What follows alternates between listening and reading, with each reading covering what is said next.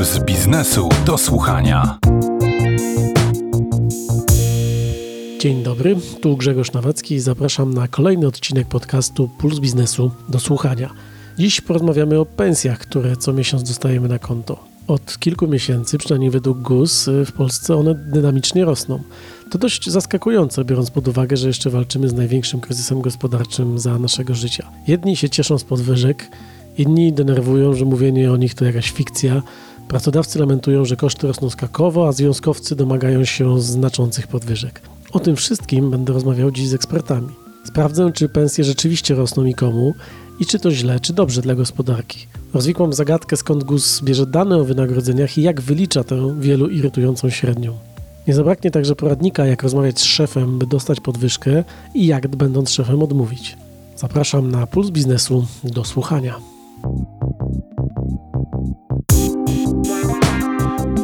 Puls biznesu do słuchania. Czy Twoja pensja była w lipcu wyższa niż w czerwcu? I czy była o prawie 9% wyższa niż przed rokiem? Według Głównego Urzędu Statystycznego tak było w przypadku przeciętnego wynagrodzenia w Polsce. Gdy wrzuciłem te dane na Twittera kilkanaście dni temu, od razu dostałem komentarz: Skąd ty bierzesz te dane? Nie dostałem podwyżki od 3 lat. Ja biorę te dane oczywiście z najbardziej wiarygodnego źródła, Głównego Urzędu Statystycznego. Ale skąd on bierze te dane? I jak wylicza tę średnią, która tak wielu irytuje? O tym właśnie porozmawiam z Hanną Skrzynecką z Departamentu Rynku Pracy GUS. Na początku chciałbym, żebyście usłyszeli u źródła odpowiedź na to kluczowe pytanie. Czy pensje w Polsce rosną?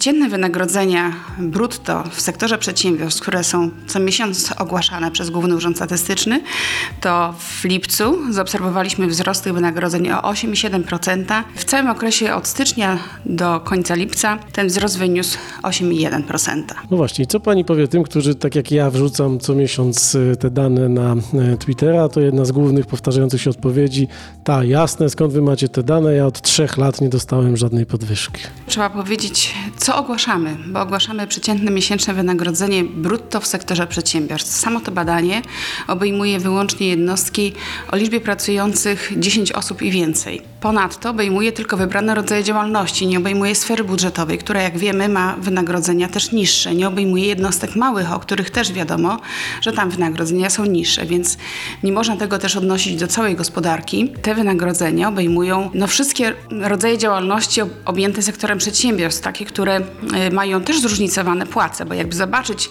jaka jest rozpiętość tych wynagrodzeń w różnych rodzajach działalności, to też byśmy się zdziwili, że są tam płace, które wynoszą około 4 tysięcy średnio i są płace, które wynoszą około 10 tysięcy średnio, w zależności od rodzaju działalności. Więc y, to jest oczywiście średnia w ramach tego, co obejmujemy badaniem. Należy też pamiętać, że te wynagrodzenia obejmują nie tylko same zasadnicze wynagrodzenia, obejmują także premie kwartalne, nagrody roczne, jubileuszowe, motywacyjne, wynagrodzenia za nadgodziny, a nawet odprawy emerytalne.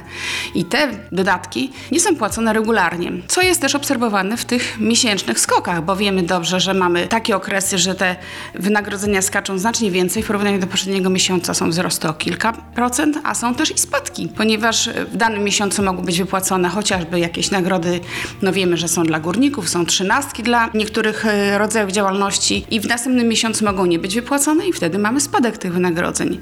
I o tym się zapomina, bo my myślimy o tym, co dostajemy na rękę, a zasadniczo to, co mamy ogłaszane, to jest brutto. Też trzeba pamiętać, w tego brutto też odchodzą pewne składki na e, podatki, składki na ubezpieczenia, o czym zapominamy, bo każdy myśli o tym, co ma garści do dyspozycji. Może lepszą taką miarą jest ogłaszanie, mm, to co też publikuje Główny Urząd Statystyczny, y, realnego wzrostu wynagrodzeń, który pokazuje jakby w relacji do inflacji. Ta inflacja wiemy, że jest wysoka, więc te wzrosty już nie są takie duże. O tym też zapominamy. To prawda, mam rzadką okazję, żeby dowiedzieć się trochę o kuchni tego, jak y, pracuje GUS, to zacznijmy od tego, skąd macie dane no dane właśnie dostarczają do nas jednostki poprzez portal sprawozdawczy. Akurat dla sektora przedsiębiorstw te dane są gromadzone przez Urząd Statystyczny w Poznaniu, a w naszym Departamencie Rynku Pracy my te dane opracowujemy i publikujemy. I co jest ważne, że właśnie z meldunku DG1, który jest opracowywany bardzo szybko, ponieważ jednostki muszą dostarczyć te dane do piątego dnia roboczego miesiąca. I właśnie z zwróćmy uwagę, że czasami te dane są dosyć szacunkowe, ponieważ wynagrodzenia są zwykle wypłacane trochę później. I nieraz są korekty też w tym, ale one są już uwzględnione tylko w tych danych narastających. Dlatego my zwracamy uwagę, żeby nie tylko patrzeć na te wyniki wzrostu miesięczne, ale też te narastające. One są trochę bardziej wygładzone, te wzrosty. I właśnie tak jak w lipcu za okres styczeń-lipiec był to wzrost o 8,1% w porównaniu do miesiąca 8,7%, ponieważ y, właśnie są jakieś korekty w tych danych narastających, no i te skoki z miesiąca na miesiąc są troszeczkę wyrównywane. My te dane opracowujemy bardzo szybko, ponieważ y, 18 sierpnia tego roku już ogłosiliśmy informacje za lipiec. Są też dane publikowane za całą gospodarkę narodową, właśnie włącznie ze sferą budżetową, z jednostkami małymi, ale te dane z wiadomych względów są zdecydowanie rzadziej i są trudniej dostępne. Trudno jest badać jednostki małe, których mamy bardzo dużo w naszym kraju. Jest to próba 4%, no i nie ukrywamy, że trudno jest pozyskać te informacje. Wiemy, jakie to jest obciążenie też dla podmiotów, dlatego też prowadzone są prace nad wykorzystaniem źródeł administracyjnych i mamy nadzieję, że w przyszłości to one będą podstawą publikowanych danych dotyczących wynagrodzeń i będą częstsze i pełniejsze, ponieważ będą mogły dotyczyć również tych właśnie jednostek małych, sfery budżetowej i będą może bardziej odpowiadały temu, co e, oczekuje społeczeństwo. Czyli firmy wypełniają, jak rozumiem, jakąś ankietę, formularz, wpisują dane i co się potem z nimi dzieje? Co my otrzymujemy? Na bazie czego my to obliczamy? My otrzymujemy fundusz wynagrodzeń w danej jednostce plus przeciętne zatrudnienie. I to przeciętne wynagrodzenie to jest podzielony fundusz wynagrodzeń poprzez przeciętne zatrudnienie. My oczywiście te dane agregujemy. To nie jest tak, że my mówimy dla poszczególnej jednostki, tylko to, co pozyskujemy, wszystko agregujemy dla całej Polski, plus prezentujemy dane właśnie według sekcji y, rodzaju działalności PKD. Ile osób pracuje nad y, takim procesem zbierania danych i przetwarzania? No uczciwie powiem, że nie wiem dokładnie ile w pełni w Urzędzie Statystycznym w Poznaniu, ale zdecydowanie zostało to zautomatyzowane poprzez wdrożenie elektronicznej sprawozdawczości, ponieważ nie musimy tego wprowadzać ręcznie, to już podmioty wprowadzają też do systemu i musi być to proces szybki, skoro my już 18 sierpnia mogliśmy opublikować dane za lipiec. Nazwa departamentu się zmieniała, ale od lat się pani y, zajmuje rynkiem pracy. To jeszcze jest ciekawe, co się dzieje na tym rynku? Te odczyty wzbudzają jakieś emocje u pani? Oczywiście jeszcze to, co chciałam podkreślić, bo właśnie to, co Pan powiedział na początku, że nurtują nas te wzrosty wysokich wynagrodzeń w gospodarce, które są dosyć rozbieżne z tym, że był okres pandemii, że był trudny czas w gospodarce. Dlaczego te wynagrodzenia rosną? Te wzrosty też są z tego powodu, że w ubiegłym roku były spadki. I o tym się zapomina, że w ubiegłym roku ta dynamika wzrostu wynagrodzeń bardzo spowolniła. Nawet były właśnie spadki w wynagrodzeniach, więc ta baza nam się obniżyła. Dlatego też teraz to, co mamy, porównując to do ubiegłego roku, to mamy takie wzrosty. Więc y, jak widać, sytuacja, która się dzieje w gospodarce narodowej ma bardzo konkretny przejaw w tym, co mamy na rynku pracy. Po pierwsze, obserwujemy teraz obecnie, przynajmniej tak jak u nas w urzędzie, w związku z tym, że te płace też rosną i płaca minimalna też rośnie, to jest naprawdę trudniej znaleźć pracownika do takiego urzędu jak nasz. Wszyscy chyba narzekają na brak pracowników, przynajmniej nie słyszałem już dawno bardzo przedsiębiorcy, który mówi, że jest fantastycznie.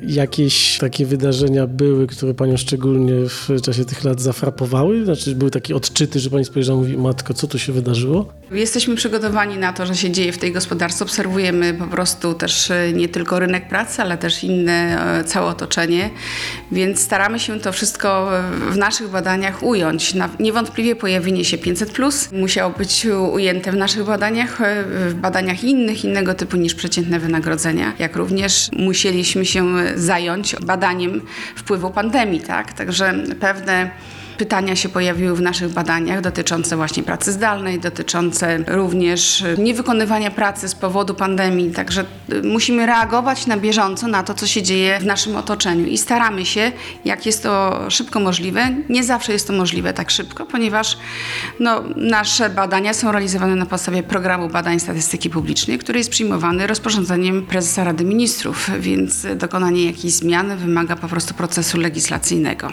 Na koniec jeszcze raz doprecyzujmy, żeby już było czarno na białym. Te dane comiesięczne, które się pojawiają, po pierwsze nie dotyczą firm najmniejszych, Od 9 w dół? po drugie nie wszystkich y, sektorów i tak naprawdę są też próbką. To nie jest tak, że pochodzą ze wszystkich firm. Jeśli chodzi o podmioty y, zatrudniające powyżej 49 osób, to są wszystkie podmioty. Od 10 do 49 to jest 10% próba, także nie od wszystkich jest to, oczywiście informacja jest to próba losowa. I na koniec pamiętajmy, że jest to średnia przeciętna, co oznacza, że jedni tą podwyżkę dostali większą, inni nie dostali. I obejmuje również różne e, wypłaty, nie tylko płacę zasadniczą, również e, te dodatkowe wynagrodzenia, również odprawy emerytalne, więc e, jest tych składników znacznie więcej, o których po prostu zapominamy na co dzień i jest to brutto. Tak jest, a o tym mówiła Hanna Strzelecka, zastępca dyrektora w Departamencie Rynku Pracy w Głównym Urzędzie Statystycznym. Bardzo dziękuję. Dziękuję bardzo.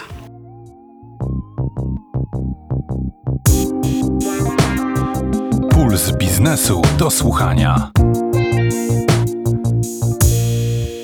No dobrze, to z poprzedniej rozmowy wiemy już, że średnie wynagrodzenie rosną, ale wiemy też, dlaczego nie wszyscy odczuwamy ten wzrost. Kolejnym gościem jest Andrzej Kubisiak, zastępca dyrektora w Polskim Instytucie Ekonomicznym, który od lat obserwuje i analizuje rynek pracy. Jest więc idealnym rozmówcą, by odpowiedzieć na pytanie, gdzie te podwyżki, czyli wyjaśnić, w których branżach pensje rosną najszybciej i gdzie zarabia się najlepiej. Na początek zapytałem go, czy to nie jest paradoks, że za oknem nadciąga czwarta fala pandemii, wciąż mamy największy kryzys gospodarczy za naszego życia, a pensje w Polsce dynamicznie rosną.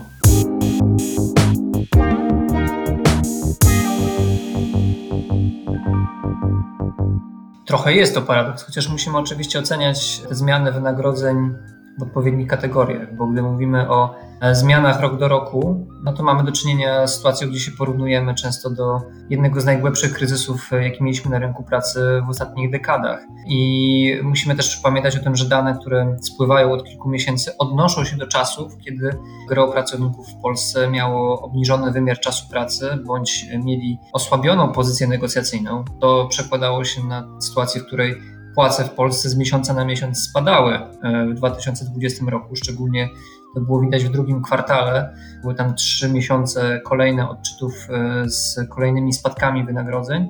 I teraz, gdy e, jesteśmy w okresie, nie wiadomo jak długiej, ale jednak odbudowy gospodarki, no to odnosimy się do bardzo niskiej bazy i te wyniki faktycznie w skali rok do roku procentowo wyglądają często dosyć zdumiewająco. No, dynamika wynagrodzeń w średnich i dużych firmach, która przekracza albo jest w okolicach 10%, no to to jest dosyć niespotykane zjawisko na skalę naszego kraju. Wspomniałeś o tym, że mamy dwucyfrową dynamikę wzrostu wynagrodzeń we wskaźniku GUS, no ale jak zawsze na taką dynamikę składają się branże, w których rosną zarobki szybciej i wolniej. To w których branżach czy sektorach gospodarki rosną zarobki najszybciej?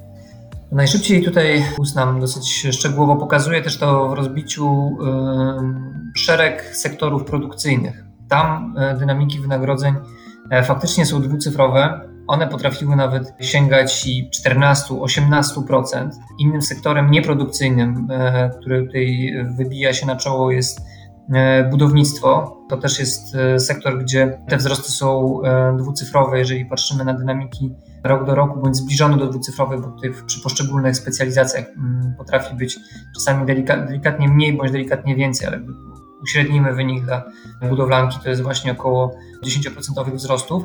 No i tutaj też, co ciekawe, mamy do czynienia z handlem hurtowym i detalicznym, który również e, charakteryzuje się e, relatywnie wysokimi płacami i, i wynagrodzeniami, które rosną. E, na drugim biegunie, czyli wśród sektorów, które z kolei dosyć słabo wyglądają, mamy do czynienia chociażby z wydobywaniem węgla kamiennego i brunatnego. To jest jedna z niewielu kategorii, którą porównując z ubiegłym rokiem widzimy, że ona ma ujemną dynamikę, a więc tutaj wynagrodzenia spadły. Podobnie jeżeli chodzi o wytwarzanie energii, zaopatrywanie również energię elektryczną czy gaz, wodę i inne media w tym wypadku. Jednak gwiazdka, którą muszę tutaj e, dołożyć, większość pewnie osób, które słucha o wynagrodzeniach i mówi, no ale halo, halo, ja pracuję w tych sektorach, które on wymienił i ja tak nie mam, to tutaj mamy do czynienia z średnimi i dużymi przedsiębiorstwami. To, co raportuje GUS w zestawieniach, jeżeli chodzi o przeciętne wynagrodzenie, w tym trybie comiesięcznym to są e, firmy te relatywnie większe, a więc e, zatrudniające powyżej 10 pracowników, tam też są duże firmy, duże korporacje, które również e, często relatywnie lepiej płacą. A w których sektorach zarabia się e, najlepiej? Bo mówiliśmy o podwyżkach, ale jeśli chodzi o różnice w wynagrodzeniach, no to wiadomo, że taki informatyk zarabia więcej niż murarz na przykład. Więc pewnie te 10% podwyżki zupełnie inna kwota nominalna. Jak, jak, jak wyglądają zarobki w poszczególnych branżach?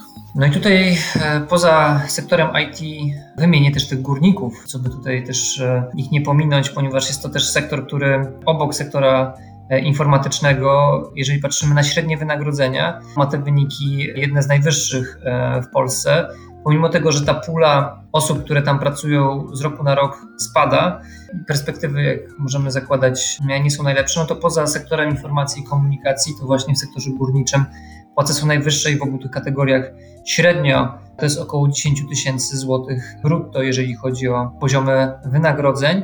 I to są takie dwa sektory, które historycznie w ogóle mają e, pod tym względem w ostatnich latach e, to się też utrzymuje, natomiast e, jeśli spojrzy też trochę wstecz, to są taki dwójka liderów. Jest taki segment w ramach sektora produkcyjnego i to jest produkcja wyrobów tytoniowych. I tam również to jest numer 3, jeżeli chodzi o wynagrodzenia nominalne, najwyższe, najwyższe na rynku. I tutaj są płace w okolicach 8,5 tysiąca złotych brutto. Mówimy tutaj oczywiście cały czas o tym wyniku uśrednionym. Więc e, tutaj mamy do czynienia z takimi trzema kategoriami liderów, jeżeli chodzi o najwyższe wynagrodzenia nominalne. Pamiętajmy, że to są oczywiście wyniki uśrednione, więc mamy te osoby na pewno, które tam zarabiają wyraźnie więcej, ale i też tych, którzy zarabiają mniej. A są w Polsce jakieś e, różnice geograficzne, że w którejś części kraju się zarabia więcej niż w innych? To też jest trochę zaburzona i sztuczna statystyka, bo często wynagrodzenia wyraźnie najwyższe są w województwie mazowieckim i to jest też związane z tym, że tutaj po prostu jest najwięcej central i siedzib przedsiębiorstw. Często jeżeli mówimy o inwestycjach e, zagranicznych, no to nawet jeżeli one gdzieś są ulokowane w różnych częściach Polski jako zakłady produkcyjne, czy przewozowe, czy, czy różne miejsca, w których po prostu dokonuje się tego specyficznego biznesu, no to też centrale i często back office tych instytucji również się znajduje w dużych miastach, więc to też powoduje, że często te duże miasta mają nadwyżki, jeżeli chodzi o e, osoby na wysokich stanowiskach, ale w Polsce mamy też do czynienia z takim zjawiskiem moglibyśmy nazywać takimi małymi emiratami, czy gminami, czy powiatami, w których wynagrodzenia wybijają się ponad e, przeciętne wyniki.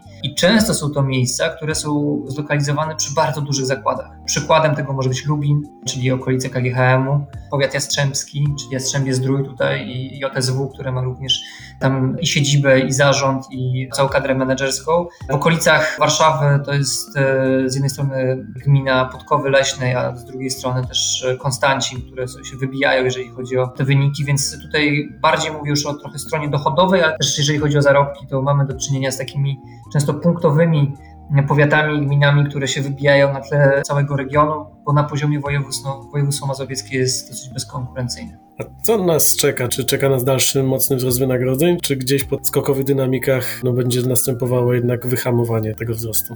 Ja się spodziewam, że w tym roku jednak będziemy powoli hamować z tych wyników. To też jest kwestia tej statystyki, czyli e, że baza z drugiej połowy ubiegłego roku już była e, wyższa, więc te wyniki nie będą aż tak spektakularne.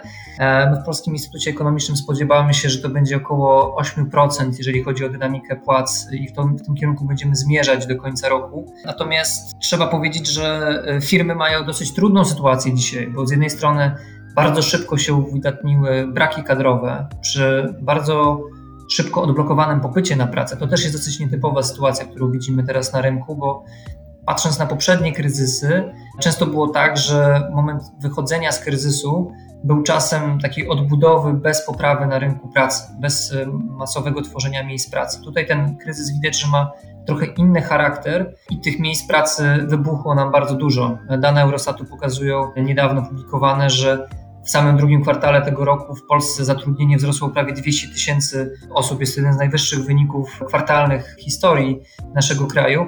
I trzeba powiedzieć, że to jest nietypowa sytuacja jak na okres e, odbudowy i firmy, tworząc bardzo wiele miejsc pracy, odczuły bardzo silne braki podażowe, czyli dostępność rąk do pracy w Polsce. To jest jakby makrotrend, który z nami był przed pandemią i po pandemii też będzie e, z nami pozostawał. No i przy rywalizacji o pracowników firmy działają dalej w budżetach kryzysowych. Pamiętajmy, że budżety kadrowe są tworzone często w czwartym kwartale na następny rok. Czyli budżety kadrowe, w których dzisiaj firmy się znajdują, były tworzone właściwie przy środku drugiej fali pandemii, tej jesienno-zimowej, jeżeli ktoś jeszcze jest w stanie sięgnąć pamięcią, jak to wyglądało wtedy, to około 20-30 tysięcy zakażeń, bardzo silne obłożenie szpitali, super niepewna sytuacja makroekonomiczna, jeżeli chodzi o warunki rozwoju gospodarczego i w tych warunkach zarządy, działy kadr tworzyły budżety kadrowe na 2021, o którym się dzisiaj znaleźliśmy. Prawdopodobnie w tamtych warunkach mało kto przypuszczał, że w okresie trzeciego kwartału na dobre się rozpocznie walka o pracowników w Polsce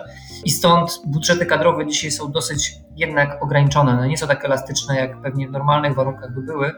My w naszych badaniach comiesięcznych, które prowadzimy razem z Bankiem Gospodarstwa Krajowego, widzimy, że ta pula przedsiębiorstw, które jest skłonna dawać podwyżki czy podnosić wynagrodzenia w swoich firmach, oscyluje w okolicach 10%.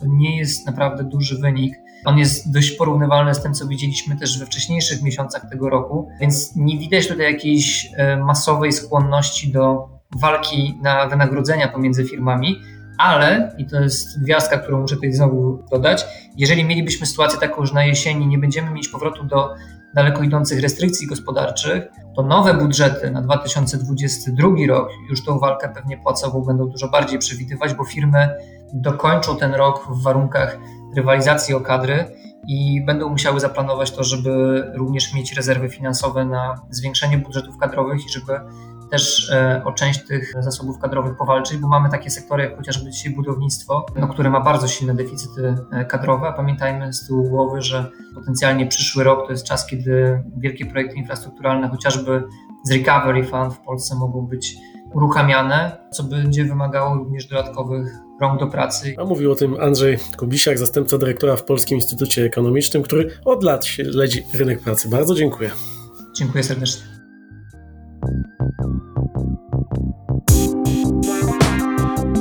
Puls biznesu do słuchania. To, że rosną pensje, cieszy zapewne każdego pracownika, e, który podwyżkę dostaje.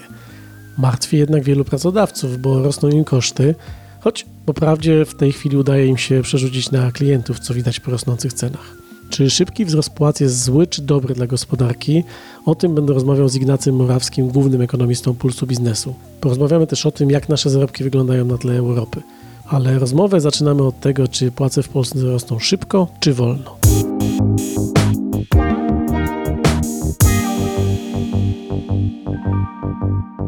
Wynagrodzenia rzeczywiście rosną dość szybko, co wynika między innymi z faktu, że rok temu w wielu firmach były obcinane, więc to jest trochę taki efekt bazy, ale też patrząc nawet z pominięciem tego efektu niskiej bazy z 2020 roku, przeciętne wynagrodzenie rośnie dość szybko, z miesiąca na miesiąc. Jak sobie policzymy taki trend, to wychodzi na to, że to jest około 7-8%, mniej więcej w ujęciu rok do roku po odjęciu tych efektów niskiej bazy. Więc przeciętne wynagrodzenie rośnie teraz w tempie około 7-8%. Natomiast, no, czy to jest paradoks, że rośnie płaca w kryzysie? Mi się wydaje, że nie do końca, bo te, ten kryzys był specyficzny. Było tak silne wsparcie fiskalne i monetarne, że de facto większość pracowników e, i firm recesji nie odczuła. Ta recesja była odczuwalna w ograniczonych branżach, natomiast w całej gospodarce średnio rzecz biorąc nie tak bardzo. I to wydaje mi się dotyczy wielu krajów rozwiniętych. Gorzej pewnie jest teraz w krajach rozwijających się. Poza tym na jeszcze jedną rzecz bym zwrócił uwagę, że wysoka inflacja sprawia, że realny ciężar tych wynagrodzeń nie jest aż tak bardzo wysoki, tego wzrostu wynagrodzeń. Z punktu widzenia firm sytuacja jest lepsza niż przed kryzysem, bo przed kryzysem płace rosły też w tempie około 6%, teraz to jest 7-8, więc wyżej, ale przed kryzysem nie było takiej inflacji, więc firmy nie przerzucały tak łatwo tych kosztów na odbiorców. Teraz przerzucają. Więc e, ten realny ciężar wzrostu płac jest, jest mniejszy niż przed kryzysem. Oczywiście podwyżka cieszy zawsze każdego pracownika, ale czy taki dynamiczny wzrost płac jest dobry dla gospodarki? Są dwa ujęcia. Jedno takie klasyczne, pewnie dominujące w mediach i pewnie też większość słuchaczy by się z nim zgodziła. Drugie mniej klasyczne, które mi jest bliższe i w ogóle myślę, że jest bliższe prawdzie. E, klasyczne ujęcie jest takie, że płace zależą od produktywności pracowników. Ile ktoś wyrobi, tyle zarobi powiedzmy w dość taki mechaniczny sposób. Czyli produktywność to jest powiedzmy wkład pracownika w wartość kreowaną w firmie. Tak, jedni pracownicy mają mniejszą, mniejszy wkład, drudzy większy, ci, którzy mają większy zarabiają więcej, ci, którzy mniejszy mniej. Proste, proste, przejrzyste.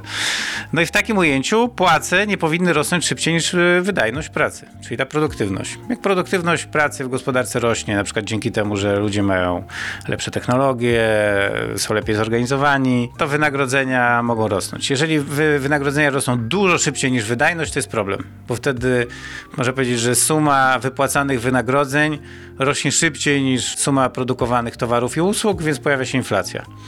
I w tym momencie w Polsce płace rosną szybciej niż produktywność na pewno. Bo pomijając te zaburzenia związane z pandemią, to wzrost produktywności jest około pewnie 3% realnie, no a płace nominalne rosną w tempie tak jak powiedziałem, 7-8%. No więc to generuje inflację. Więc po uwzględnieniu inflacji ten wzrost nominalnej wydajności i wzrost płac się zbliżają do siebie. W każdym razie w tym klasycznym ujęciu niedobrze jest, jak płace rosną dużo szybciej niż wydajność. Ale jest jeszcze inne ujęcie. No bo czy płaca rzeczywiście zależy tylko od produktywności? Jak sobie spojrzymy na własne doświadczenie w firmach, w których pracujemy, nie zawsze tak jest. Są pracownicy, którzy na przykład bardziej są wygadani i sobie więcej wywalczą. Przyjdzie taki, powie, zawalczy o swoje i będzie miał, nie wiem, 15% więcej. Albo jest jakaś cicha myszka, niepewna siebie, dadzą jej 70% tego, na co zasługuje i będzie siedzieć i zaakceptuje to. No to każdy się pewnie spotkał z takimi sytuacjami. Czyli już na poziomie firmy widać, że może to różnie być. I w gospodarce jest tak samo. Płace w dużej mierze zależą od siły przetargowej właścicieli firm, czyli kapitału i pracowników. Czyli może być tak, że płace są wyższe niż ta produktywność, czy jak się profesjonalnie mówi, krańcowa produktywność, czyli dodatkowy wkład pracowników w wartość firmy, wartość generowaną przez firmę, może być wyższa lub niższa płaca ogółem w gospodarce, czy wartość płac. Tak samo zyski firm mogą być wyższe lub niższe. Jak płace są wyższe, to zyski firm niższe i odwrotnie, bo PKB składa się generalnie z płac i zysków. Ale jeszcze jedną rzecz chcę dodać. To jest mi wydaje się bliższe, czyli płace mogą być wyższe niż produktywność. Ale jest jeszcze jedna rzecz ważna. Co się dzieje, kiedy płace rosną dużo szybciej niż produktywność? Klasyczna ekonomia powie, no jak to co, kurczą się marże firm, więc firmy mniej inwestują, jest mniejszy rozwój, wszyscy tracimy. Ale takie mniej klasyczne spojrzenie bliższe mi wskazuje, że jak płace rosną szybko, to przede wszystkim podnosi się popyt, ale rośnie też presja na inwestycje. Czyli firmy mają większą presję na to, żeby inwestować w nowsze technologie, w rozwój wydajności. Czyli moim zdaniem no, optymalna jest sytuacja, w której wzrost płac jest y, trochę powyżej wzrostu produktywności. To jest takie troszeczkę, można powiedzieć, podgrzewanie kociołka. Wtedy jest presja na, na innowacyjność, na inwestycje, chociaż oczywiście prawda jest taka, że rzeczywistość jest trochę bardziej złożona niż ten prosty mój opis, no bo to zależy też od branży. W branżach bardziej zaawansowanych technologicznie to działa tak, jak mówię, bo firmy generalnie mają więcej bodźców do inwestowania, bo walczą na granicy technologicznej, czyli walczą o, można powiedzieć, o rozwój nowych technologii. W branżach, które są bardziej imitacyjne, czyli gdzie nie ma dużej walki technologicznej, walki na innowacyjność, no taka presja płacowa może szkodzić, bo tam firmy nie za bardzo mają możliwość innowacji, rozwoju, produktywności. One tylko naśladują jakby technologie innych firm. Więc to bardzo zależy od branż. Jak zarobki Polaków wyglądają na tle zarobków Europejczyków? No zarabiamy oczywiście dużo mniej, chociaż mamy też niższe ceny, ale nasze płace są bardziej niższe niż nasze ceny są niższe, tak? No, dlatego jesteśmy biedniejsi, bo jakby płace i ceny były tak samo niższe, to byśmy nie byli biedniejsi. Więc y, przeciętne wynagrodzenie w Polsce jest pewnie na poziomie, z tego co pamiętam, może około 40% średniej unijnej nominalnie, co też sprawia, że y, jesteśmy krajem atrakcyjnym dla inwestorów, bo to jest po prostu tańsza płaca. A ponieważ y, ceny są też niższe, no więc w ujęciu realnym Zarabiamy na poziomie około, podejrzewam, 60-70% średniej unijnej. Realnie rzecz biorąc, czyli uwzględniając ile możemy kupić towarów i usług. No bo na przykład załóżmy, że ktoś zarabia 1000 euro w Warszawie i w Berlinie, tak? No załóżmy, że ma takie same wynagrodzenie. To w Berlinie droższy jest fryzjer, droższy jest pewnie bilet autobusowy i tak dalej, więc realnie zarabia mniej ten w Berlinie. Więc uwzględnienie cen jest ważne. Natomiast nominalnie zarabiamy około 40% pewnie średniej unijnej, realnie pewnie około 70%. Co istotne, my w ogóle jesteśmy takim krajem uzależnionym od dosyć niskich kosztów płac. Dlatego też, na przykład jak teraz nam rosną wynagrodzenia w złotych, to 7-8%, ale z kolei zdewaluowała nam się waluta, więc dla zagranicznych firm jesteśmy wciąż tani, tak samo. I to my tak sobie utrzymujemy ten model takiej taniej siły roboczej. Co będzie w e, kolejnym roku czy w kolejnych latach? Wynagrodzenia dalej będą rosły tak dynamicznie? Moim zdaniem tak, to jest y, stały już element krajobrazu gospodarczego, bo po prostu zmienia się struktura demograficzna, to po pierwsze, czyli jest mniej, jest mniej ludzi, którzy wchodzą na rynek pracy młodych. Gdyby nie imigranci, to kurczyłaby nam się siła robocza. Imigranci to ratują, ale ich napływ już nie będzie tak szybki. W sensie on może rosnąć nawet, ale raczej już nie tak szybko jak do tej pory, czyli ta dynamika jakby populacji pracującej będzie mniejsza niż wcześniej. Ale jest jeszcze drugi czynnik. Wydaje mi się, że zmienia się w ogóle klimat polityczny na świecie wokół tematu płac i zatrudnienia. To znaczy zaczyna dominować takie przekonanie, że trzeba stymulować y, wynagrodzenia, chronić zatrudnienie i że podnoszenie na przykład nie, minimalnych wynagrodzeń jest korzystne. Czyli innymi słowy, klimat polityczny zmienił się z takiego, który sprzyjał bardziej kapitałowi, powiedzmy w latach 90. i, i pierwszych latach nowego wieku, w taki klimat, który sprzyja bardziej pracy dziś. No to widać chociażby po podwyżkach minimalnego wynagrodzenia. Tak? Ono jest 200 zł rocznie, cały czas rośnie. I no tak jak powiedziałem, to jest takie podgrzewanie kociołka. W sensie wiele firm może tego nie, nie wytrzymać, a dla innych to będzie jakiś bodziec pewnie do innowacji i inwestycji. Aż w końcu będą branże, w których zastąpią nas maszyny, tak? Bo mówimy o takich tego typu inwestycjach, że pracownik staje się tak drogi, że firmom się opłaca inwestować na przykład w maszyny. No mi się wydaje, że to już się dzieje na większą skalę niż kiedyś. Więc taki trochę model rozwojowy nam się zmienia, bo praca jest po prostu już dużo droższa niż kiedyś. No są branże, gdzie to jest naprawdę duży problem. Znalezienie pracownika w ogóle jest e, problemem i to jest pewien... Ale to jest taki paradoks, bo z perspektywy firmy za szybki wzrost płac to może być problem. Ja rozumiem pracodawcę, który mówi, no nie jestem w stanie znaleźć pracownika, nie jestem takiego, którego mógłbym zapłacić, żeby mi się to opłacało. Znaczy ten facet ma prawo do wyrażenia swojej opinii z perspektywy jego firmy. A z kolei z perspektywy całej gospodarki może być tak, że tak szybki wzrost płac może być korzystny, bo napędza na przykład popyt, a jednocześnie mobilizuje do inwestowania. Więc y, to jest taka sytuacja, w której trudno znaleźć ocenę, która jest dla wszystkich taka sama. Mogą być firmy, dla których wzrost płac jest y, szybki, bardzo nie, niewygodny i negatywny. A są też takie, dla których to nie wiem, jest obojętne, albo takie, dla których to jest korzystne. Więc w gospodarce nigdy nie jest tak, że wszyscy odczuwają tak samo pewne zjawiska. Jest najczęściej tak, że występuje no, duże zróżnicowanie interesów i, i nastrojów. A mówi o tym Ignacy Morawski, główny ekonomista Pulsu Biznesu, którego analizy i komentarze możecie czytać codziennie w Pulsie Biznesu. Dziękuję bardzo. Dzięki wielkie.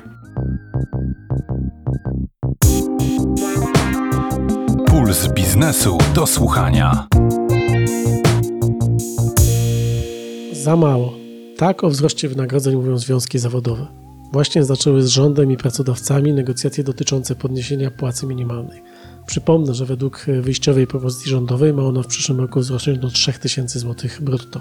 Ale Piotr Szumlewicz, przewodniczący Związku Zawodowego Związkowa Alternatywa, postuluje, by płace jednej bardzo licznej grupy zawodowej wzrosły o 60%. Tak, to nie żart, to bardzo poważny postulat. Uzasadniając go, odpowie także na pytanie, czy związki zawodowe są we współczesnej gospodarce w ogóle potrzebne i do czego. Zaczęliśmy od tego, czy Polacy zarabiają godnie.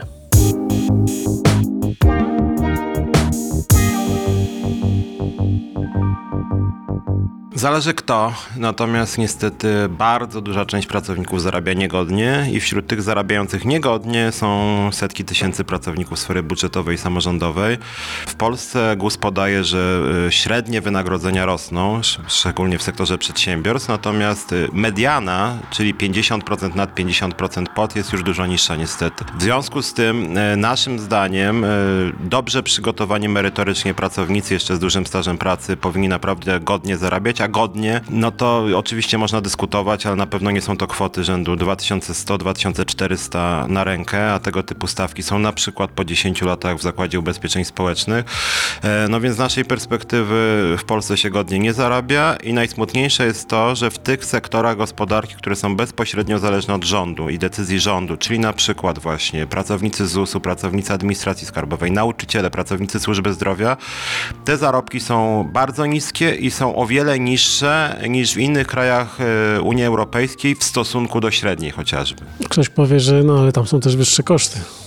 Tak, tylko tak jak powiedziałem, mówię teraz o proporcji. Y, Generalnie takie zawody jak pracownicy sektora opieki, jak nauczyciele, jak pracownicy opieki zdrowotnej, no są tak naprawdę zawody, na których opiera się społeczeństwo. Myślę, że też dla wielu ludzi takim sygnałem do podwyżki płac no, była epidemia koronawirusa. W czasie epidemii koronawirusa właściwie ochrona zdrowia, sektor opieki to były absolutnie podstawowe zawody i te zawody niestety przez rząd są demonstracyjnie lekceważone. A naszym zdaniem to powinny być priorytetowe segmenty gospodarki, no i nie są. Nie są tak o- odnośnie warunków płacowych, jak i odnośnie inwestycji y, w tę branżę. No źle to wygląda. Kilka dni temu Związkowa Alternatywa wyszła z postulatem podwyżek w strefie budżetowych sięgających nawet 60%. To taka intelektualna prowokacja czy rzeczywisty postulat? Dwie rzeczy. Znaczy, po pierwsze, to jest rzeczywisty postulat i w najbliższych dniach wejdziemy w spór zbiorowy w Zakładzie Ubezpieczeń Społecznych, domagając się 60% właśnie i będziemy rekomendować naszym organizacjom i też innym organizacjom niezrzeszonym w Związkowej Alternatywie, żeby domagały się 60%.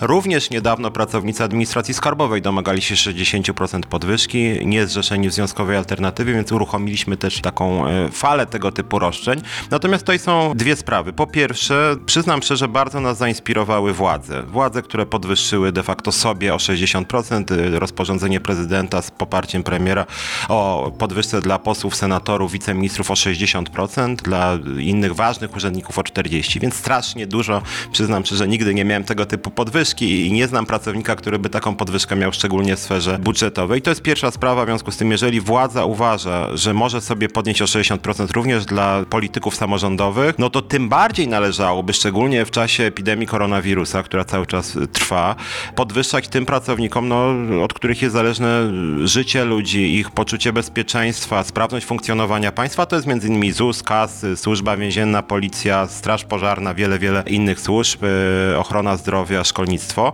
I to jest jedna sprawa, że tutaj jest inspiracja rządu, jeżeli mogą sobie podnieść, to też powinni móc nam. Ale druga sprawa wydaje mi się nawet ważniejsza, mianowicie w Polsce strukturalnie lekceważona jest, y, lekceważona jest administracja państwowa, administracja samorządowa. Lekceważone są te zawody, od których, jak mówiłem, zależy dobrostan społeczeństwa i tu jest potrzebna naszym zdaniem zmiana systemowa. I taką zmianą systemową mogłyby być te podwyżki o 60% w pakiecie e, z potężnymi inwestycjami, na przykład sprzęt pracowników, bezpieczeństwo i higienę pracy.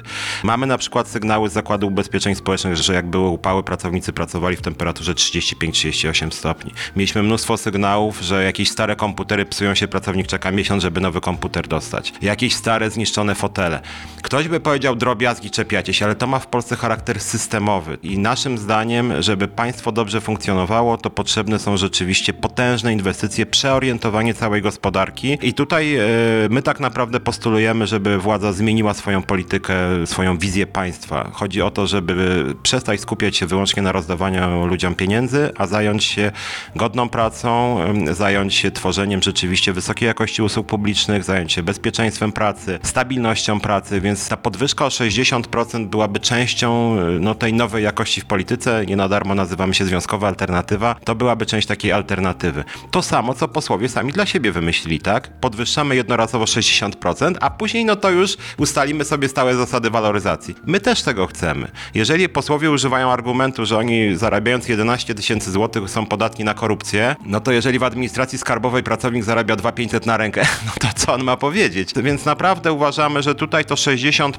to mogłaby być taka jednorazowa zmiana. Nie mamy danych dotyczących wysokości płac w sferze budżetowej, tym bardziej, że są różne metodologie, co to znaczy sfera budżetowa. Natomiast szacujemy, że taka podwyżka o 60% dla sfery budżetowej to byłyby kwoty jednorazowo rzędu 20-25 miliardów złotych, czyli jest to rząd wielkości połowa świadczenia Rodzina 500+. Więc wydaje nam się, że rzeczywiście taka dobra zmiana na rynku pracy, oczywiście wraz z wieloma innymi rozwiązaniami, jest warta tych pieniędzy po prostu. A skąd państwo miałoby wziąć pieniądze, te 20-25 miliardów? To już jest obowiązek państwa po pierwsze. Po drugie, y, stąd porównałem z tym świadczeniem Rodzina 500, że jeżeli państwo ma pieniądze, żeby je rozdawać według sobie znanych kryteriów, żeby dawać 500 również ludziom, którzy zarabiają po 20-30 tysięcy miesięcznie, no to uważamy, że powinny się też znaleźć pieniądze na właśnie sferę budżetową.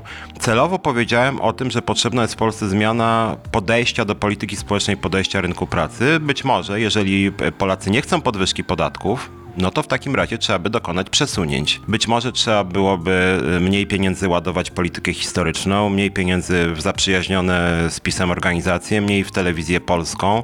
Być może trzeba byłoby część programów rządu uczynić bardziej selektywnymi, tych finansowych, a lepiej może byłoby właśnie zainwestować w wysoką jakość administracji, w poprawę jakości usług publicznych, więc tutaj uważamy, że jest miejsce na tak zwaną dobrą zmianę. Na przykład z tego co wiem ostatnio duża część polskiego społeczeństwa zgadza się na to, żeby na przykład program Rodzina 500 Plus stał się programem socjalnym wspierał głównie osoby uboższe, tak? W zamian można by zaoszczędzić na przykład 15 miliardów złotych, bo pierwotnej wersji Rodzina 500 Plus kosztowało, ile pamiętam, mniej więcej połowę tego, co dzisiaj. I część tych pieniędzy przeznaczyć właśnie na podwyżkę budżetówki i poprawę warunków pracy w tych kluczowych sektorach, jak mówiłem, między innymi ochrona zdrowia, pracownicy socjalni, administracja skarbowa, więc tutaj jakby jesteśmy w stanie usiąść z rządem i porozmawiać o tak zwanej dobrej zmianie, tylko jak mam być szczery, dobrej woli tutaj nie widzę, rząd cały czas występuje z kolejnymi tam trzynastki, czternastki, 10 tysięcy na kolejne dziecko, natomiast dla pracowników nie ma nic. Po co związki zawodowe są we współczesnej gospodarce, bo nie brak głosów, że to relikt przeszłości. Ja bym powiedział, że związki zawodowe to jest właśnie awangarda, tylko że e, tu są dwie sprawy. Po pierwsze, w Polsce niestety te duże centrale związkowe są na wielu poziomach wpisane w różne patologie, w różne układy, są niestety splecione z rządem, począwszy od Związku Zawodowego NSZZ Solidarność. I tutaj rzeczywiście potrzebna jest jakaś odnowa. Wracam do naszej nazwy Związkowa Alternatywa. To nie chodzi o to, że my jesteśmy wiarygodni, ani są niewiarygodni, bo tak, ale my na przykład uważamy, że powinna być pełna jawność płac i e, finansowania organizacji zaufania publicznego, w tym związków zawodowych. Uważamy też, że na przykład warto by wprowadzić taką regulację, która jest w Szwecji, że etatowi związkowcy dostaliby wszystkie kompetencje inspektorów pracy i mieliby obowiązki, ale mieliby większe możliwości działania, czyli na przykład taki etatowy związkowiec mógłby karać pracodawcę, ale miałby również obowiązek, żeby właśnie sprawdzać warunki pracy. Więc naszym zdaniem potrzebna jest zmiana roli związków zawodowych, ich odnowa oparta o transparentność, przejrzystość daleko posuniętą i tutaj rzeczywiście związki zawodowe w krajach zachodnich często są właśnie w awangardzie przemian, bo na przykład negocjują ważne układy zbiorowe dla całych branż, tak? Na przykład y, wspólnie z państwem i pracodawcami zastanawiają się, jak wdrażać różnego rodzaju przemiany technologiczne, jak je implementować. Więc naszym zdaniem związki zawodowe wręcz są organizacjami, które no, są bardzo przyszłościowe i warto zwrócić uwagę, że w takich krajach jak Szwecja czy Finlandia związki zawodowe są na przykład bardzo mocno obecne w sektorze usług, których w Polsce są relatywnie słabe. Więc wydaje mi się, że warto byłoby zmienić w ogóle model funkcjonowania związków zawodowych. My jesteśmy na taką dyskusję o roli związków otwarci i uważamy jednocześnie, że związki zawodowe są bardzo potrzebne, a może szczególnie potrzebne, nie tylko w takich, bym powiedział, tradycyjnych zawodach, gdzie działały jak na przykład górnictwo, hutnictwo, energetyka, ale właśnie w ochronie zdrowia, pracownicy socjalni, pracownicy sektora opieki. My na przykład y, działamy wśród nawet polskich opiekunek w Niemczech, staramy się je uzwiązkowić, one są zatrudnione przez polskich pracodawców. Więc tutaj rola związków zawodowych jest rzeczywiście w tym, żeby te zmiany technologiczne między innymi wiązały się z godnymi warunkami pracy. Jest mnóstwo nowych technologii, świat się bardzo szybko zmienia i bez związków zawodowych no ta przyszłość może wyglądać mało różowo, a prawie wszyscy jesteśmy pracownikami, więc związki zawodowe jako reprezentacja ludzi pracy na pewno jest bardzo potrzebna. A mówił o tym Piotr Szumlewicz, przewodniczący Związku Zawodowego Związkowa Alternatywa. Dziękuję bardzo. Bardzo dziękuję.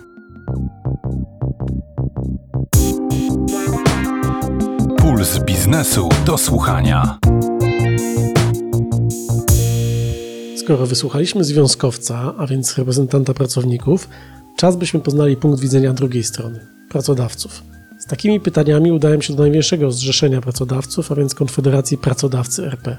Paweł Wojciechowski, wiceprezydent i główny ekonomista, przekonuje, że to, co dziś cieszy pracowników, może im się niedługo odbić czkawką, bo niekontrolowany wzrost wynagrodzeń to bardzo duże ryzyko dla gospodarki. Na początek zapytałem go, czy firmy jakoś odczuwają ten wzrost wynagrodzeń.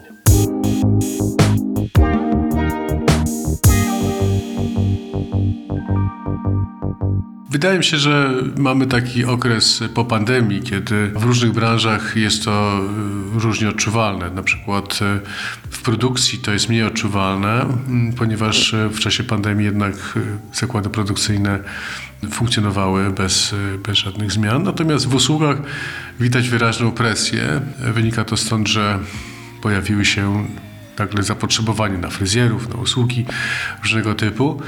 Jak również w tych e, takich typowo sezonowych branżach typu budownictwo, gdzie też e, brakuje pracowników, no częściowo również brakuje wykwalifikowanych pracowników w przedsiębiorstwach, które postanowiły jednak wejść w ten wyścig technologiczny. Tutaj zawsze będzie brakowało pracowników wysoko wykwalifikowanych, informatyków, technologów, na przykład technologów medycznych, więc zapotrzebowanie na pracowników jest, są ograniczenia podażowe, jest coraz większa presja płacowa. Powoli dochodzimy po okresie konsolidacji do takiego rynku, który mieliśmy przed pandemią, do rynku pracownika. Jak sobie pracownik patrzy na wyniki firmy, widzi, że firma ma zyski, no to sobie może myśleć, no to niech daje podwyżki, do czego będzie prowadziła taka logika.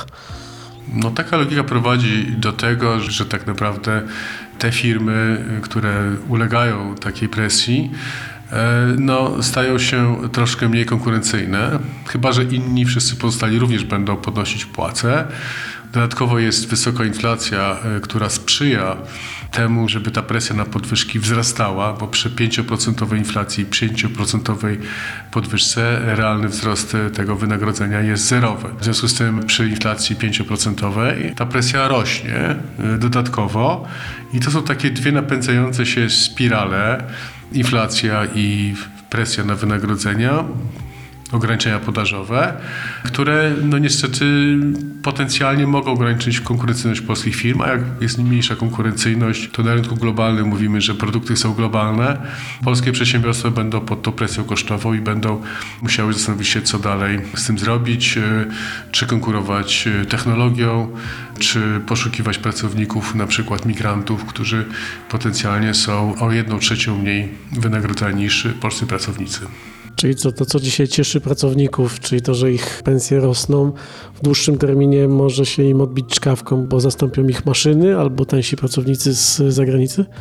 Jeden trend to jest wypełnianie tej luki w podaży pracy poprzez zmiany technologiczne. Polska jest krajem późnego uprzemysłowienia i w tym sensie ma do nadrobienia w zakresie produktywności, poprawy wydajności, poprzez umaszynowienie parku przemysłowego, poprzez robotyzację czy automatyzację produkcji i głównie w zarządzaniu. Tak naprawdę jest bardzo duży zapas. Również może, możemy poszukiwać, y, jak powiedziałem wcześniej, migrantów zarobkowych, ale to musi być konkretna polityka migracyjna.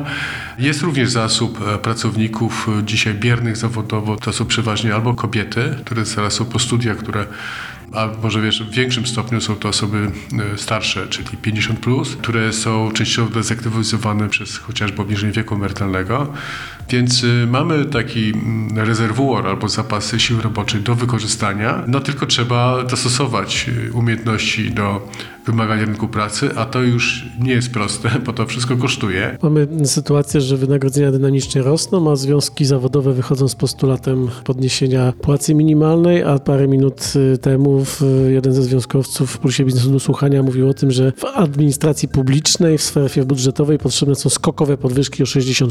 Co pan sobie myśli, jak pan to słyszy? Ta dzisiejsza podwyżka, którą rząd zaproponował, czyli do 3000 zł brutto, jest to podwyżka, która wynosi około 7,5% w skali roku, więc to jest więcej niż inflacja z pewną górką. Tak? To oznacza, że tak naprawdę minimalna płaca w stosunku do przeciętnego wynagrodzenia, które wynosi dzisiaj 53%, jeszcze wzrośnie, ale to jest ten poziom, który jest y, powyżej konsensusu, który został osiągnięty między związkami zawodowymi a pracodawcami i rządem, żeby właśnie była ta relacja płacy minimalnej do średniego wynagrodzenia w wysokości 50%. My jesteśmy za utrzymaniem tego konsensusu i nie przekraczaniem tego pułapu, ponieważ uważamy, że wzrost płacy minimalnej nie dotyczy tylko tych powiedzmy nieco ponad y, milion pracowników, ale dotyczy również pozostałych pracowników, którzy też y, będą czuli niezadowolenie, że część pracowników dostaje ustawową podwyżkę, a pracownicy o wyższych kwalifikacjach tej podwyżki nie dostają, więc presja płacowa będzie rosła również ze sprawą płacy minimalnej.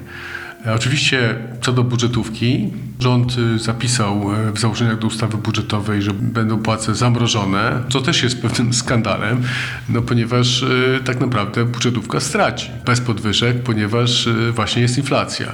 Więc to jest zupełnie niezrozumiałe i wydaje mi się, że tutaj roszczenia związków zawodowych ze sfery budżetowej są uzasadnione i my popieramy takie rozwiązanie, żeby jednak e, przynajmniej pracownicy budżetówki otrzymali wzrost wynagrodzeń na poziomie e, właśnie inflacyjnym. No żeby nie, jeżeli to zamrożenie, to musi być na poziomie przynajmniej e, na poziomie inflacyjnym, czyli około 5%. Także oczywiście dalsze ciągnięcie płacy minimalnej w tak szybkim tempie, jak następowało to w ostatnich latach, no tym, że po pierwsze będzie dochodziło do tego spłaszczania wynagrodzeń. Pracownicy wyżej wykwalifikowani no, będą się czuli zaniepokojeni, tak? Na przykład będą poszukiwali alternatywnych form zatrudnienia, elastycznych form zatrudnienia, więc no, mieliśmy już do czynienia w czasie pandemii, kiedy zatrudnienie na umowach o pracę spadało, ale na działalności gospodarczej wzrastało, więc y, to oznacza, że będą poszukiwali innych form zatrudnienia, które będą powodowały wypychanie ich z sys- systemu ubezpieczeń społecznych i będą w przyszłości mieli niższe emerytury. Także wydaje się, że powinniśmy zapanować y, nad, racjonalnie nad tym układem porozumień w zakresie płacy minimalnej. Płaca minimalna musi być przewidywana, również bezpieczna gospodarczo, e, czyli tak ustalana przez y, partnerów s- w dialogu społecznym, no żeby też sprzyjała rozwojowi, tak? żeby nie hamowała rozwoju. Więc rynek pracy polski jest stosunkowo dobrze się rozwija. Mamy dynamiczny wzrost y, wynagrodzeń. z drugiej strony mamy presję inflacyjną, mamy presję ze strony szybkiego podnoszenia płacy minimalnej. Chodzi o to, żeby to wszystko było w relacjach ekonomicznych, żeby na przykład płaca minimalna nie rosła dużo szybciej niż wzrasta wydajność pracy, produktywność w gospodarce, a z kolei, y, żeby inflacja też była pod kontrolą i żeby uwzględniać przy podwyżkach płacy minimalnej elementy inflacyjne. To wszystko musi być dobrze poukładane i również w pewnej proporcji i wtedy będzie gospodarka się rozwijała. Natomiast jeśli się przekroczy pewne granice i płaca minimalna będzie rosła tak jak było na przykład dwa lata temu, kiedy wzrosła 15%, to był nadmierny wzrost. Tak? W czasie kryzysu szczególnie, czy w obliczu kryzysu, tego typu podnoszenie płacy minimalnej tak szybkie e, jest bardzo złe dla gospodarki. Ewentualnie płacę minimalną można podnosić e, inflacyjnie lub nieco ponad inflację w okresach dobrej koniunktury gospodarczej. Pan pokazuje ryzyka związane z mocnym, szybkim, dynamicznym, niekontrolowanym być może nawet wzrostem wynagrodzeń, a ktoś panu odpowie, że jak to? Przecież jak ludzie będą więcej zarabiać, to będą więcej wydawać i gospodarka będzie się kręciła. No to jest argument czysto populistyczny, bo jeżeli założylibyśmy tylko, że tylko popyt efektywny ma znaczenie w gospodarce, to wszyscy płaciliby więcej, rząd więcej by wydawał, zadłużał się potencjalnie nie do poziomu 60% PKB długu publicznego, ale 200%, 300%, tylko po to, żeby pompować popyt w gospodarce. To są bardzo, bardzo szkodliwe teorie które zakładają, że na przykład polityka monetarna w ogóle jak gdyby ma mniejsze znaczenie. Ale oczywiście są zwolennicy takich teorii, że tylko popyt ma znaczenie e, i czynniki podażowe są mniej istotne. Widać to wyraźnie e, w Polskim Ładzie, który jest e, manifestem politycznym o charakterze czysto popytowym, który w zasadzie ignoruje gdyby elementy podażowe. I mówi się tam, że skoro nastąpi napompowanie tego popytu, to zyskują na tym przedsiębiorcy, mm, którzy zaczną więcej sprzedawać i nakręci to gospodarkę. No z tym, że pamiętajmy, że Polska również należy do gospodarek otwartych i kupuje się nie tylko dobra polskie czy usługi w Polsce produkowane, ale również za granicą. I to wcale nie znaczy, że będziemy kupowali coraz więcej polskich y, dóbr, ale możemy na przykład y, dóbr chińskich więcej kupować, czy usług w Słowacji, albo jeździć na zagranicę, na wycieczki. Więc mówiąc krótko, to nie jest tak, że w gospodarce otwartej można prowadzić tylko politykę popytową, Trzeba e, równoważyć e, politykę popytową z polityką, rozsądną polityką podażową i z reformami strukturalnymi, które poprawią na przykład klimat inwestycyjny dla przedsiębiorstw. A mówił o tym Paweł Wojciechowski, wiceprezydent i główny ekonomista pracodawców RP. Dziękuję bardzo. Dziękuję.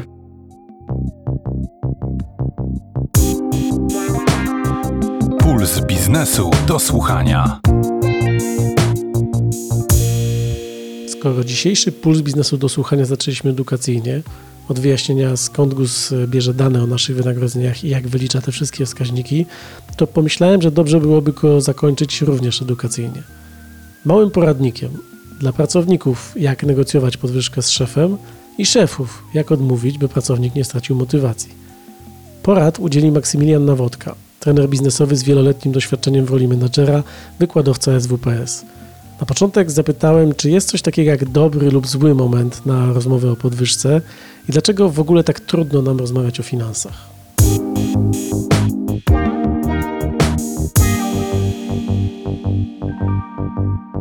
Jesteśmy tak wychowani, że w naszej kulturze czy, czy w naszym kraju niełatwo się na ten temat rozmawia. Z jednej strony nigdy nie ma dobrego momentu na rozmowę na ten temat, z drugiej strony no to jest coś, co pozwala nam funkcjonować w pewien określony sposób w społeczeństwie, bo pieniądze są też w pewnym stopniu e, wyznacznikiem statusu. Moim zdaniem i wielu specjalistów czy osób zajmujących się tą tematyką, to nie jest tak, że o podwyżce możemy rozmawiać od tak. Do tego powinniśmy się przygotować i to przygotowanie powinno mieć kilka etapów i najczęściej dobrze było, żeby to trwało kilka miesięcy. Podjęcie rozmów takich ad hoc, czy z nienacka, czy od pomysłu do realizacji, kiedy ten czas jest e, krótki, to jest e, domena raczej osób, które mają bardzo silną pozycję w organizacji albo w firmie, osobom, które mają jakieś unikatowe zdolności lub wiedzę, bez której organizacja no, miałaby duże trudności, żeby funkcjonować albo żeby zastąpić taką osobę. W przypadku y, znacznej ilości pracowników no, wymaga to odpowiedniego przygotowania się, bo w dużych organizacjach y, kłopotem może być to, że nasz bezpośredni przełożony może nie być osobą, która dysponuje środkami, czy która ma takie pole decyzyjne. Więc odpowiednio wcześniej powinniśmy zadbać o to, żeby y, zbudować grunt nie tylko na polu naszego przełożonego, ale żeby o różnych działaniach, czy o wadze, czy randze naszej jako pracownika wiedział też y, przełożony naszego przełożonego, który często być może decyduje o środkach. Są przedsiębiorstwa, prace czy, czy zadania, które realizujemy, gdzie wartością jest niski koszt zatrudnienia i, i wiele też organizacji na tym bazuje i być może w takich organizacjach pola do rozmowy nie ma na ten temat. Załóżmy, że nasi słuchacze są w takiej e, firmie, która nie bazuje tylko na niskim koszcie pracy i załóżmy, że zadbali o to, żeby no, być wartościowym pracownikiem. Czy podczas takiej rozmowy właśnie powinni swojemu szefowi uświadamiać, jaką wnoszą wartość? Jak taką rozmowę prowadzić? Rozmowa o podwyżce to już jest trochę za późno na to, żeby uświadamiać naszą wartość i to, co wspominałem na początku. Przed taką rozmową o podwyżce powinniśmy zaplanować sobie czas, nie wiem, być może 4 miesiące, być może 7 miesięcy na to, aby budować e, takie tło do tej naszej przyszłej rozmowy. Powinniśmy wypracować taką przestrzeń, w której nasz przełożony przy ocenie naszej pracy, czy przy ewentualnym naszym odejściu, czy zmniejszeniu zaangażowania, poczułby ewidentną stratę lub jakieś trudności. To być może są zadania związane z raportowaniem, być może z wdrażaniem nowych pracowników. I sama rozmowa to jest taka olimpiada, w której no, to już jest za późno na to, żeby się do tego przygotować. I stąd mówiłem właśnie, że dużo wcześniej powinniśmy się do tego przygotować. W ogóle przed taką rozmową dobrze, gdybyśmy przygotowali sobie pewne scenariusze, scenariusze, w których wydarzy się to, co zakładamy sobie najlepsze, ale to, co też może się dla nas y, wydarzyć najgorszego. Przygotowując takie scenariusze, też dużo łatwiej w trakcie rozmowy nam będzie się poruszać. Przesiądźmy się teraz z fotela pracownika na fotel szefa, czy tej osoby, która decyduje o tym, czy pracownik ma dostać podwyżkę, czy nie. Na razie załóżmy ten pozytywny dla pracownika scenariusz, że szef może dać podwyżkę i chce ją dać.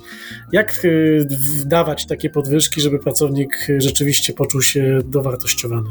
To tak w ogóle y, rozpatrując temat y, samych podwyżek, źródłem satysfakcji z pracy, jednym z elementów satysfakcji z pracy są na pewno pieniądze, ale w wielu badaniach te pieniądze nie pojawiają się na pierwszym miejscu.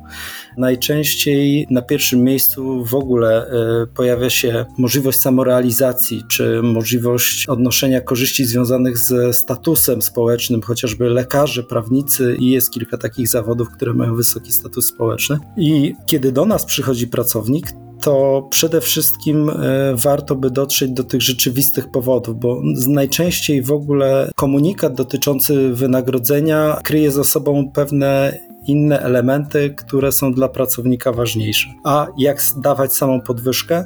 No to niewątpliwie podwyżka dobrze, gdy była połączona z rzeczywistymi osiągnięciami pracownika, czy z rzeczywistymi w ogóle zachowaniami.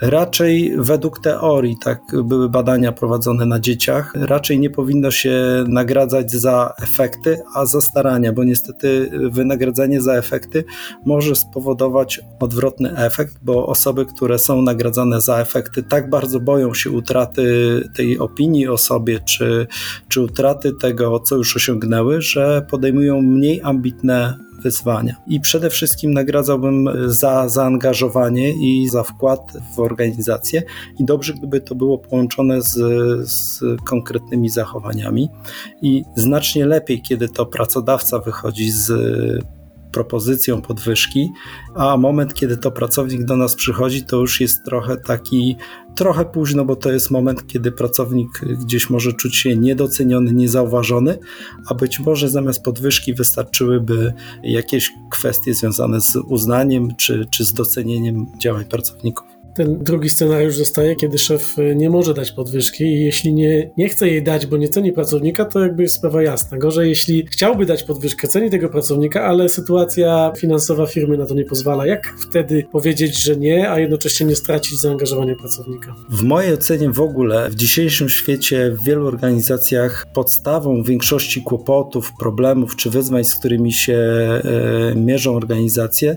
to jest brak takich uczciwych i, i prawdziwych relacji. I przede wszystkim w takich sytuacjach moim zdaniem rolą właściciela, menedżera jest budowanie zdrowych relacji.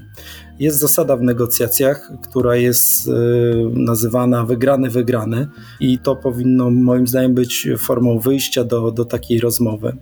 Też mm, zastanowienie się, jakie inne formy wynagrodzenia pracodawca, przełożony czy osoba, do której się pracownik zwrócił o podwyżkę, jakie inne formy wynagrodzenia będą dla takiej osoby satysfakcjonujące. Czasami to jest zwiększenie zakresu odpowiedzialności, czasami to jest poszerzenie możliwości decyzyjnych, czasami jest to wdrożenie w bardziej ambitne albo bardziej odpowiedzialne zadania. Też formą takiego być może wynagrodzenia pozafinansowego jest ustalenie wcześniejszego wychodzenia z pracy przed jakimiś okresami okolicznościowymi, dajmy na to święta, Sylwester to raczej w dzisiejszych organizacjach jest takim niepisanym standardem, ale być może y, dodatkowy dzień wolny w ramach urodzin czy urodzin bliskich a może po prostu ustalenie, że w piątki wychodzimy z pracy wcześniej i w ten sposób docenienie pracownika. To jest moment, kiedy musimy odpowiedzieć pracownikowi nie, a jesteśmy przekonani co do wartości pracownika i tego, że zasługuje jest szalenie trudny, szczególnie dla menedżerów i właścicieli, ale no budowanie takich uczciwych relacji opartych na dużej życzliwości, zrozumieniu i próbie znalezienia wspólnego rozwiązania, które będzie uznane dla obu stron, no jest moim zdaniem jedyną formą jedyną wartością, która może długofalowo być korzystna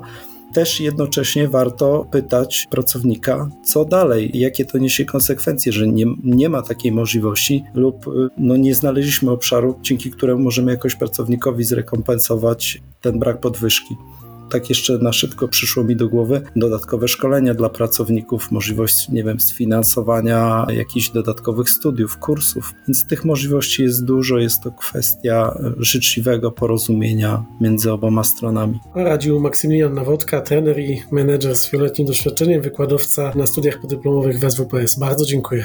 Bardzo dziękuję. Puls biznesu do słuchania. Ja jestem i pracownikiem, i szefem, więc y, z jednej strony doskonale rozumiem, że każdy pracownik chciałby zarabiać więcej, ale z drugiej doskonale rozumiem, że budżet płac nie jest z gumy, a sytuacja gospodarcza i nadchodzące zmiany w podatkach, no delikatnie mówiąc, nie nastrajają firm specjalnie euforycznie. Dlatego życzę każdemu, by praca dawała satysfakcję i była przyjemna, bo przynajmniej dla mnie to nie mniej ważne niż suma, która wpływa na konto. Za tydzień spotka się z Wami Marcin Bołtryk i opowie o tym, na co wydawaliśmy pieniądze w czasie pandemii, a będą to wybory dość zaskakujące. Wszystkie archiwalne odcinki Pulsu Biznesu do słuchania znajdziecie na pb.pl ukośnik do słuchania i oczywiście w każdej aplikacji muzycznej.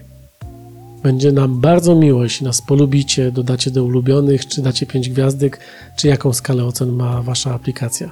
To pozwoli nam się rozwijać. Z góry bardzo dziękujemy. A jeśli chcesz wiedzieć, co dalej będzie z zarobkami albo w co zainwestować pensję, zaglądaj codziennie na pb.pl. Do usłyszenia, Grzegorz Nowacki. Puls biznesu do słuchania.